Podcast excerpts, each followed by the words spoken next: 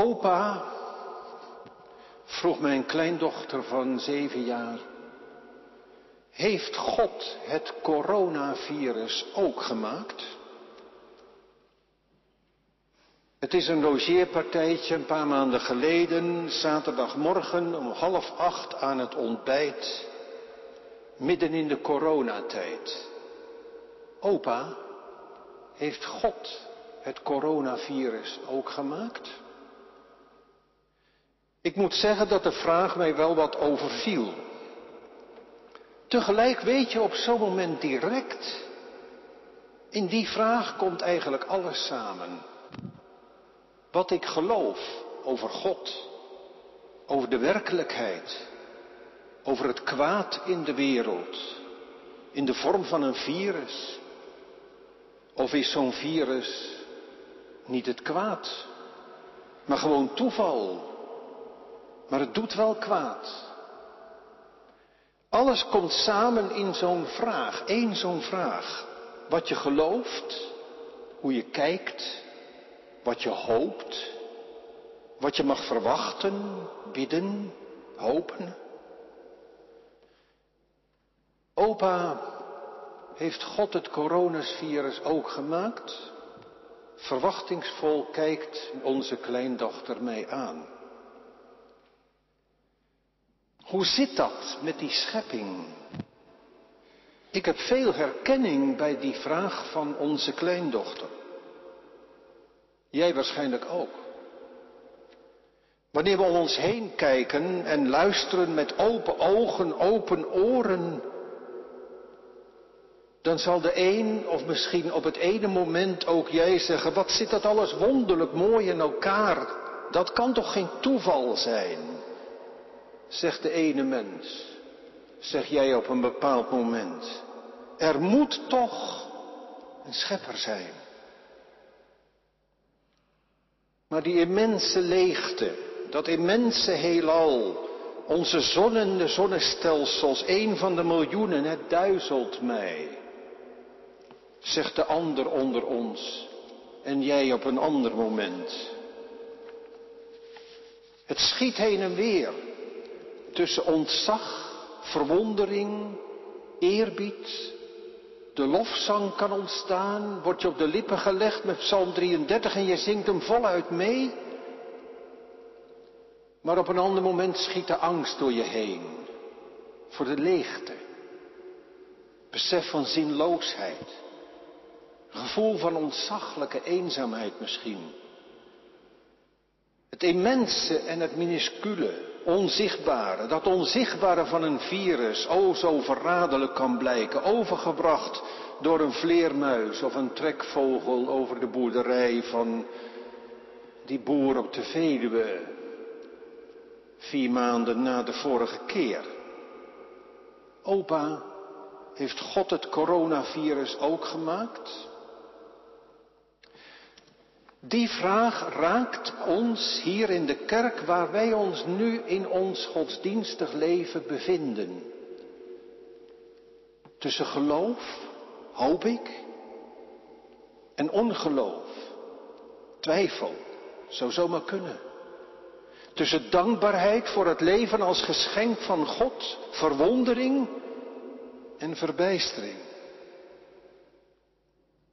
Tussen dankbaarheid voor het leven of een cynische constatering dat het leven niet anders is dan een toevallige sprong in de evolutie. En het heeft geen zin, hoewel je er wel zin in hebt. U kent die quote wel, die in onze dagen rond kan gaan. Het leven heeft geen zin, maar ik heb er wel zin in. Dan neemt de eerste lezing vanavond, vanmiddag, ons mee in een reis door ruimte en tijd. Hij neemt ons mee naar het begin. En doet ons meekijken, meeluisteren van een oneindige afstand. En tegelijk zoomt ze in op iets intiems, een inkijk. We krijgen een inkijk in het geheim van de werkelijkheid En dat geheim heet in Spreuken 8 wijsheid. Voorgesteld als een vrouw. In het Grieks Sophia. Zij is er al voordat iets anders er is. Ze is het eerste, zij is de eerste voortgekomen uit God. Voordat God iets maakte, is er de wijsheid van Hem uitgegaan. En God, de Schepper, doet niets zonder de wijsheid, Sophia. Die is overal bij. Als Gods instrument, vertalen de rabbijnen, raadgever, gesprekspartner, lievelingskind, zullen we uit de herziene statenvertaling horen. Die is er steeds bij, altijd, onafgebroken. En God heeft vreugde in haar, de wijsheid. En God kijkt naar haar. En zij kijkt naar ons, de mensenkinderen. Dat onderstreep ik als we nu gaan lezen. Genoeg inleiding. We gaan lezen en ik zou zeggen, laat je meenemen. Kijk, luister. We beginnen bij vers 22 en het is daar de ik is Sophia, de wijsheid. En terwijl ze spreekt, kijkt God op haar en zij kijkt naar ons. De Heere bezat mij aan het begin van zijn weg, al voor zijn werken van oudsher. Van eeuwigheid af ben ik gezalfd geweest, van het begin af van de tijden, voordat de aarde er was. Toen er nog geen diepe wateren waren, werd ik geboren. Toen er nog geen bronnen waren, zwaar van water. Voordat de bergen waren verzonken, voor de heuvels werd ik geboren. Hij, God, had de aarde en de velden nog niet gemaakt, evenmin het begin van de stofjes van de wereld. Toen hij de hemel gereed maakte, was ik de wijsheid daar. Toen hij een cirkel trok over het oppervlak van de watervloed, toen hij de wolken daarboven sterk maakte, hij de bronnen van de watervloed versterkte, toen hij voor de zee zijn plaats bepaalde, zodat het water zijn bevel niet zou overtreden, toen hij de fundamenten van de aarde verordende, was ik bij hem, zijn lievelingskind. Ik was dag aan dag zijn bron van blijdschap. Te alle tijden spelend voor zijn aangezicht, al spelend in de wereld van zijn aardrijk. Mijn bron van blijdschap vond ik bij de mensenkinderen. Nu dan, kinderen, mensenkinderen, luister naar mij. Welzalig zijn zij die mijn wegen in acht nemen Luister naar vermaning, word wijs, verwerp die niet. Welzalig is de mens die naar mij luistert. Door dag en nacht te waken voor mijn, aan mijn poorten, door mijn deurposten te bewaken, want wie mij vindt, vindt het leven en verkrijgt de goedgunstigheid van de Heer. Wie echter tegen mij zondigt, doet zijn ziel geweld aan. En allen die mij haten, hebben de dood lief. Tot zover de lezing uit het boek Spreuken. In de Joodse uitleg van Spreuken 8 wordt de wijsheid gelijkgesteld met de Torah. De geboden en beloften van God, het geopenbaarde woord. Daarin is alle wijsheid vervat. Waar heeft hij het vandaan?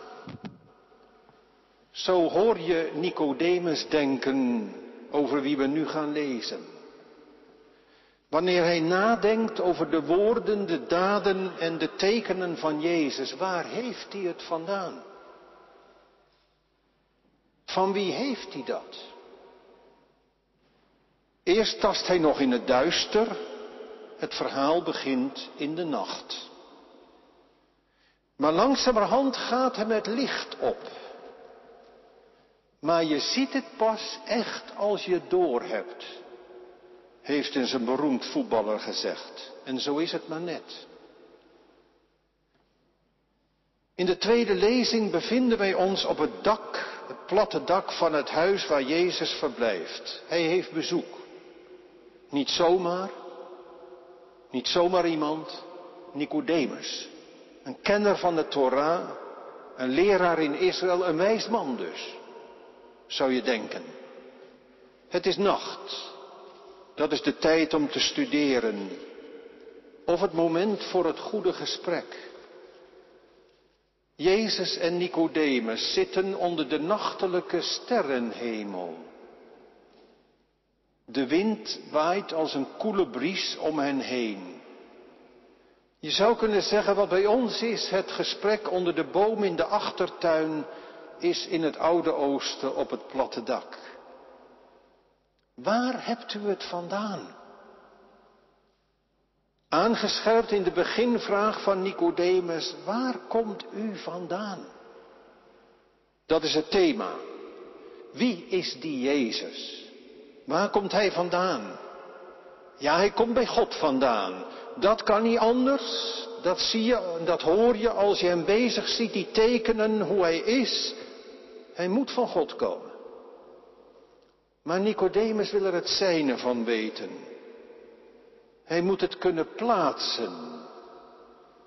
Je bent per slotverrekening leraar in Israël of je bent het niet. Maar het wordt een gesprek voor Nicodemus om nooit te vergeten. Wel heel verwarrend. Hij moet uit de rails. Anders kan er niks gebeuren. Maar uiteindelijk vallen dan de dingen op hun plek. Nicodemus gaat naar huis aan het eind van het gesprek als het licht geworden is. Een stuk wijzer van deze ontmoeting. En ik hoop wij ook. Johannes 3. En er was een mens uit de Fariseeën en zijn naam was Nicodemus, een leider van de Joden. Deze kwam s'nachts bij Jezus, bij, naar Jezus en zei tegen hem, Rabbi, wij weten dat u van God gekomen bent als leraar, want niemand kan deze tekenen doen die u doet, als God niet met hem is. Jezus antwoordde en zei tegen hem, Voorwaar, voorwaar, ik zeg u, als iemand niet opnieuw geboren wordt, kan hij het koninkrijk van God niet zien. Nicodemus zei tegen hem, hoe kan een mens geboren worden als hij oud is? Hij kan toch niet voor de tweede keer in de schoot van zijn moeder ingaan en geboren worden? Jezus antwoordde, voorwaar, voorwaar, ik zeg u, als iemand niet geboren wordt uit water en geest, kan hij het koninkrijk van God niet binnengaan. Wat uit het vlees geboren is, is vlees. En wat uit de geest geboren is, is geest. Verwondert u niet dat ik tegen u gezegd heb, u moet opnieuw geboren worden.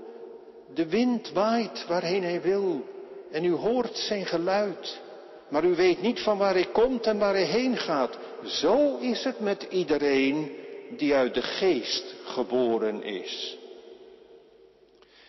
Nicodemus antwoordde en zei tegen hem, hoe kunnen deze dingen gebeuren? Jezus antwoordde en zei tegen hem, bent u een leraar van Israël en weet u deze dingen niet? Voorwaar, voorwaar, ik zeg u, wij spreken over wat wij weten en getuigen van wat wij gezien hebben. En toch neemt u ons getuigenis niet aan. Als ik aardse dingen tegen u zei en u niet gelooft, hoe zult u geloven als ik hemelse dingen tegen u zeg? En niemand is opgevaren naar de hemel dan hij die uit de hemelen is neergedaald, namelijk de zoon des mensen die in de hemel is. En zoals Mozes de slang in de woestijn verhoogd heeft, zo moet de zoon des mensen verhoogd worden, opdat ieder die in hem gelooft niet verloren gaat, maar eeuwig leven heeft. Want zo lief heeft God de wereld gehad, dat hij zijn enige geboren zoon gegeven heeft, opdat ieder die in hem gelooft niet verloren gaat, maar eeuwig leven heeft. Want God heeft zijn zoon niet in de wereld gezonden, opdat hij de wereld zou veroordelen, maar opdat de wereld door hem behouden zou worden. En dan het slotakkoord. Wie in hem gelooft, wordt niet veroordeeld. Maar wie niet gelooft, is al veroordeeld, omdat hij niet geloofd heeft in de naam van de enige geboren Zoon van God. En dit is het oordeel, dat het licht in de wereld is gekomen en de mensen hebben de duisternis liever gehad dan het licht. Want hun werken waren slecht. Want ieder die kwaad doet, haat het licht. En komt niet tot het licht, opdat zijn werken niet ontmaskerd worden. Maar wie de waarheid doet, komt tot het licht, opdat van zijn werken openbaar wordt dat ze in God gedaan zijn. Dit is het woord van God. En zalig zijn wij als wij het woord van God horen en in geloof bewaren. Nicodemus heeft gelijk. En hij krijgt zijn gelijk. Jezus komt van God. Klopt, hij is van boven. Niemand kan immers die tekenen doen die hij doet als God niet met hem is. Klopt. Dat zie je, als je ook als je niet verder kijkt dan je neus lang is. Je ziet de tekenen, de wonderen, je bewondert, misschien loop je achter de wonderdoener aan, zoals de velen in het slot van hoofdstuk 2, maar daarbij blijft het dan. Dat zien we gebeuren rond Jezus. Als het gaat spannen, verlaten velen hem alsnog. Maar anders wordt het voor goed anders wanneer je de ogen geopend worden en je echt gaat zien waar het in de komst van Jezus Christus over gaat. Wie Hij werkelijk is en wat er in Hem tot ons komt, voor ons open gaat. Namelijk het koninkrijk van God. Maar je ziet het pas als je het doorhebt.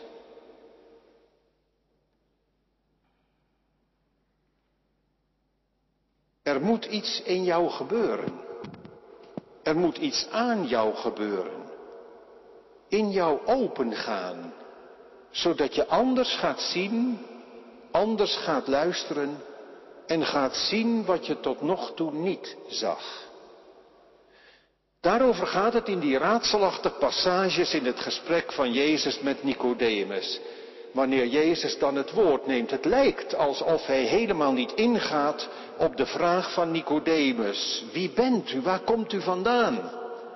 Want dat God met u is, dat is helder. Nicodemus wil weten kunnen plaatsen. Maar het gaat om inzicht. En dat ontvangt hij als hij woorden van buiten hoort. Voorwaar, voorwaar, ik zeg u, als iemand niet opnieuw geboren wordt, kan hij het koninkrijk van God niet zien. Inzicht in de binnenkant van de werkelijkheid waar het echt om gaat, het koninkrijk van God, dat vraagt kijken met andere ogen, in een nieuwe ontvankelijkheid. En dat is niet minder dan wedergeboorte, opnieuw geboren worden. We horen dan hoe Nicodemus reageert en we kennen het verhaal natuurlijk ook wellicht. Hij reageert zoals wij ook wel eens iets kunnen doen. Als er iets dat ons niet vertrouwd is, tot ons komt. En ons uit de rails rijdt, uit onze comfortzone haalt. Hoe kan dat? Dat is dan vaak onze reactie. Hoe kan dat? Iemand kan toch niet als volwassene de baarmoeder weer ingaan? Dat is net zo'n opmerking als je van een seculiere tijdgenoot kunt horen als je zegt dat je gelooft in God. Geloof jij dan ook dat de wereld in zes dagen gemaakt is en dat de aarde plat is? Kom op, denk je dan. Kom op, Nicodemus. Nu zit je wel erg vast in je eigen patronen. Met je opmerking, hoe kan dat? Iemand kan toch niet opnieuw de baarmoeder ingaan? Dat is echt een tegenwerping van de basiscategese. Ben jij een leraar in Israël? En weet je deze dingen niet? Zo reageert Jezus even verderop. Nicodemus, je zit toch niet meer op de kindernevendienst? Inderdaad, als iemand niet geboren wordt uit water en geest, kan hij het koninkrijk van God niet binnengaan. Dan kan hij het niet zien, dan kan dit niet binnengaan. Inderdaad, Nicodemus, doop in Christus. Met Christus sterven. En vervulling door de, en met Christus opstaan. En vervulling door de Heilige Geest, inderdaad geboren worden, opnieuw geboren worden uit water van de doop en in het spoor van de Geest gaan leven, dat is nodig om te kijken met nieuwe ogen. Om te zien wie ik, Jezus van Nazareth, werkelijk ben. Dat ik inderdaad van boven ben, van God gekomen, om dat in te zien te verstaan wat dat betekent. Wat wij dus zeggen als we zeggen dat Jezus van Nazareth, die de weg van de liefde tot het einde ging, in zijn zelfovergave tot het einde, in trouw aan mensen tot het einde, dat deze Jezus de Christus is, de Messias van Israël, de koning der Joden, zoals Pilatus boven zijn hoofd liet schrijven, dat deze Jezus die deze weg ging, dat die van God komt en dat Hij de enige geboren zoon is, die in de schoot van de Vader is, zoals diezelfde Johannes schrijft in hoofdstuk 1. In wiens komst God zelf zijn liefde voor de wereld heeft uitgesproken tot het einde. Dat God in hem de wereld lief gehad heeft, dat hij zijn enige geboren zoon gegeven heeft. Dat gaan wij zien als we onze ogen geopend worden en wij het geheim doorkrijgen. Dat het in Hem gaat over die wijsheid van God voor alle tijden, waar het in Spreuken 8 over ging en gaat. En dan neem ik u weer mee naar de eerste lezing. Sophia, voor alle tijden het lievelingskind van God, staat er. Als die gaat scheppen. Zij is erbij, de wijsheid. In alle dingen. Alle dingen zijn uit en door en tot Hem geschapen. Zo zal later de Colossensebrief het zeggen over Christus. En daarmee legt Paulus de lijn tussen de wijsheid van voor alle tijden en het eeuwige woord in Christus, waardoor alles geschapen is en met het oog op wie alles geschapen is. Zien we haar nog voor ons, lievelingskind van de Schepper, spelend voor Hem, dat wil zeggen, dat alles waar zij bij was, toen die geschapen werden, dat al die schepselen geschapen zijn om Hem te loven? Zien we haar, de wijsheid, terwijl zij door God gezien, van Hem uitgegaan, ons mensenkinderen aankijkt en ons vraagt, wijs te zijn. Dat wij wijs zullen zijn, zullen leven uit de Torah, uit de levensbron, waardoor alle dingen geschapen zijn en waardoor alle dingen richting krijgen en doel ontvangen. Zo kijkt zij ons aan. Zo kijkt Christus ons aan. Die wijsheid van God, waardoor alles is geschapen wat geschapen is. Hij is in de wereld gekomen. Het woord werd vlees. De wereld die door hem geschapen is, door de wijsheid, door het woord. Maar, maar, de wereld heeft hem niet gekend. Heeft hem niet aangenomen. Heeft hem afgewezen. Ze hebben hem verlaten, verlogend, aan het kruis geslagen. De mensen, kinderen maakten de onvoorstelbare keuze waar spreuken acht voor huivert. Wie mij de wijsheid vindt, vindt het leven. Wie echter tegen mij zondigt, doet zijn ziel geweld aan. Doe je jezelf tekort.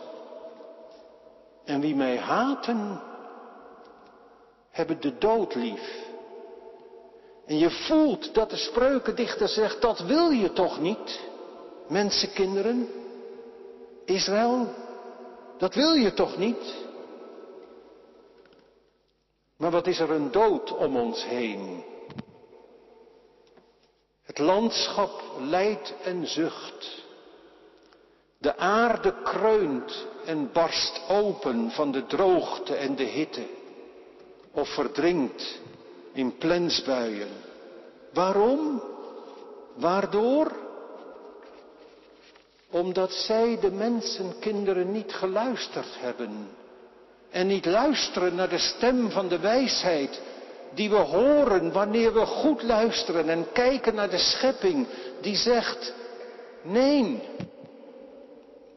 het coronavirus is niet het probleem.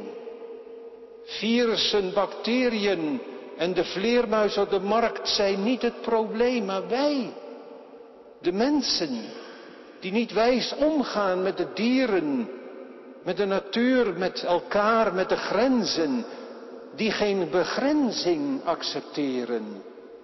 En zo bodem, plant, dier en elkaar uitputten. Dat is het probleem. De wijsheid kijkt ons aan. Lievelingskind van de Schepper. Zijn instrument en raadgever vertalen de rabbijnen. De goede onderwijzing van de Torah. Ze kijkt ons aan en ze zegt, luister. Kijk met goede ogen. Wijs. Maar Israël heeft niet geluisterd. Het was niet genoeg en toen kwam hij zelf. Het woord is vlees geworden. God kwam tot ons in de zoon en de stem luidt bij zijn doop. Deze is het, mijn lievelingskind. Luister naar zijn stem. Hij kwam tot het zijne. Zijn schepselen toch? Maar de zijnen hebben hem niet aangenomen. Maar ook daarmee is het verhaal niet uit. Het gesprek met, van Jezus met Nicodemus is eigenlijk geen gesprek meer, maar steeds meer een inwijding. Nicodemus stelt ook geen vraag meer, hij luistert. Hij zit en luistert.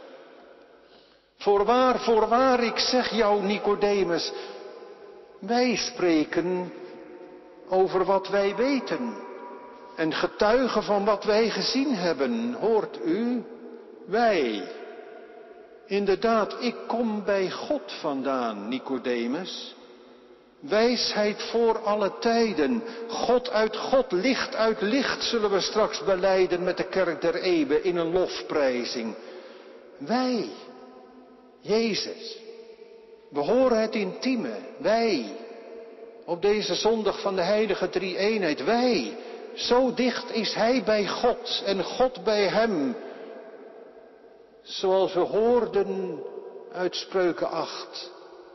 We hebben hem gezien en gehoord. Ik was erbij, Nicodemus. Ik weet waar ik het over heb. Maar jullie, mensenkinderen, namen ons getuigenis niet aan. Dat is wel duidelijk. In de geschiedenis van het volk Israël. Dat is wel duidelijk. Als je om je heen kijkt in de schepping. Dat is wel duidelijk. Als je kijkt naar hoe de volken elkaar haten en de dood liefhebben. De zoon des mensen zal verhoogd worden, aan het kruis gehangen, verstoten door de mensen. Weg met hem, die lastpost met zijn waarheid. Liever een Barabbas. En dat gebeurt nog steeds. Maar God geeft niet op. Hij, de wijsheid van voor alle tijden, is als de opgestane Heer bij ons tot het einde der tijden. Hoe? Het is om je heen, Nicodemus. Als je maar je ogen open doet. En je gaat zien met nieuwe ogen. Dan krijg je door. Het is om je heen, Nicodemus. Hoor je de wind? Voel je de bries? Waar komt die wind vandaan? Waar gaat hij heen? Je weet het niet. Maar waar het om draait is dat jij je mee laat nemen door de wind. Dat je niet meer zegt, hoe kan dit, hoe kan dat, past dit wel in mijn plaatje, hoe ik tegen de wereld aankijk. Nee, dan staat het leven stil. Dan gebeurt er niks. Zeker niks nieuws. Maar hoor je de wind, Nicodemus? Je weet niet van waar die komt en waar die heen gaat. Nou, zo is het met ieder die zich door de geest laat meenemen. Uit de geest geboren is. Die laat zich meenemen. Dan gaat het dus over u, jou en mij. Dan gaat het dus over ons en onze kinderen, gedoopte kinderen. Wij vierden de feesten.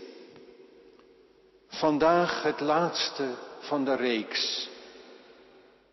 Zondag Trinitatis. Van Advent naar Kerst. Het licht kwam in de wereld.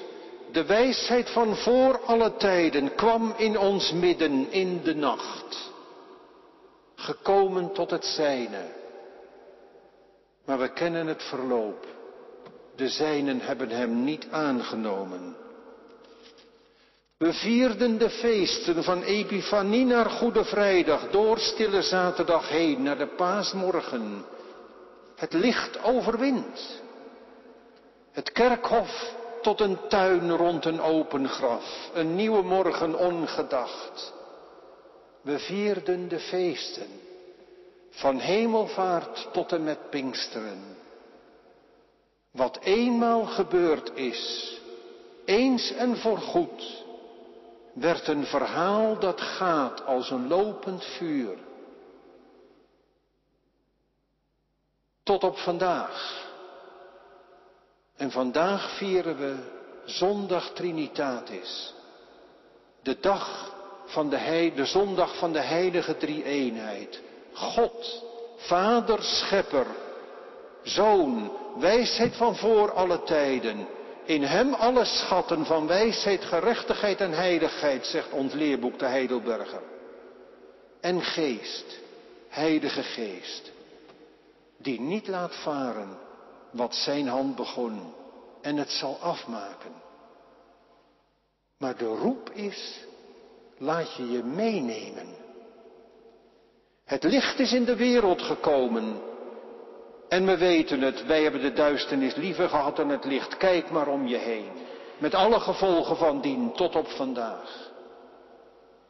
En wie het licht haat, doet zichzelf, de ander en de wereld kwaad. En heeft uiteindelijk de dood lief. We zien en horen het vandaag. En omgekeerd, wie het kwaad doet, komt tot het licht niet. Het moet tot een omkeer, een nieuwe manier van denken en handelen komen. Dat vraagt jouw geloof, jouw fiducie in de Torah, in de begrenzingen door Gods geboden en beloften. Omkeer in de omgang met de dingen. Gaan in de weg van de wijsheid. Dan komt aan het licht dat we in het licht leven. En in die weg zullen we ook daarin bevestigd worden. Dat zal de schepping goed doen. Want God maakt geen coronavirussen. God stuurt geen ratten met pestbacillen naar de Indianen toe in 1492 met Columbus, naar mensen zonder antistoffen, zodat honderdduizenden stierven. God geeft ons zijn goede geboden en beloften, opdat we wijs worden, zijn grenzen in acht nemen het wagen met de waarheid, de wijsheid in Christus. Hij kijkt ons aan, ons mensenkinderen, als het lievelingskind van de Vader en nodigt ons uit. Ga in mijn spoor en houd dat spoor. Dat is het werk van de geest. Laat je je eigen gedachten los? Laat je je meenemen? Laat je je uit de rails rijden als nodig is? Daartoe ben je uitgenodigd. Lof zij de Vader, de Zoon en de Heilige Geest. Amen.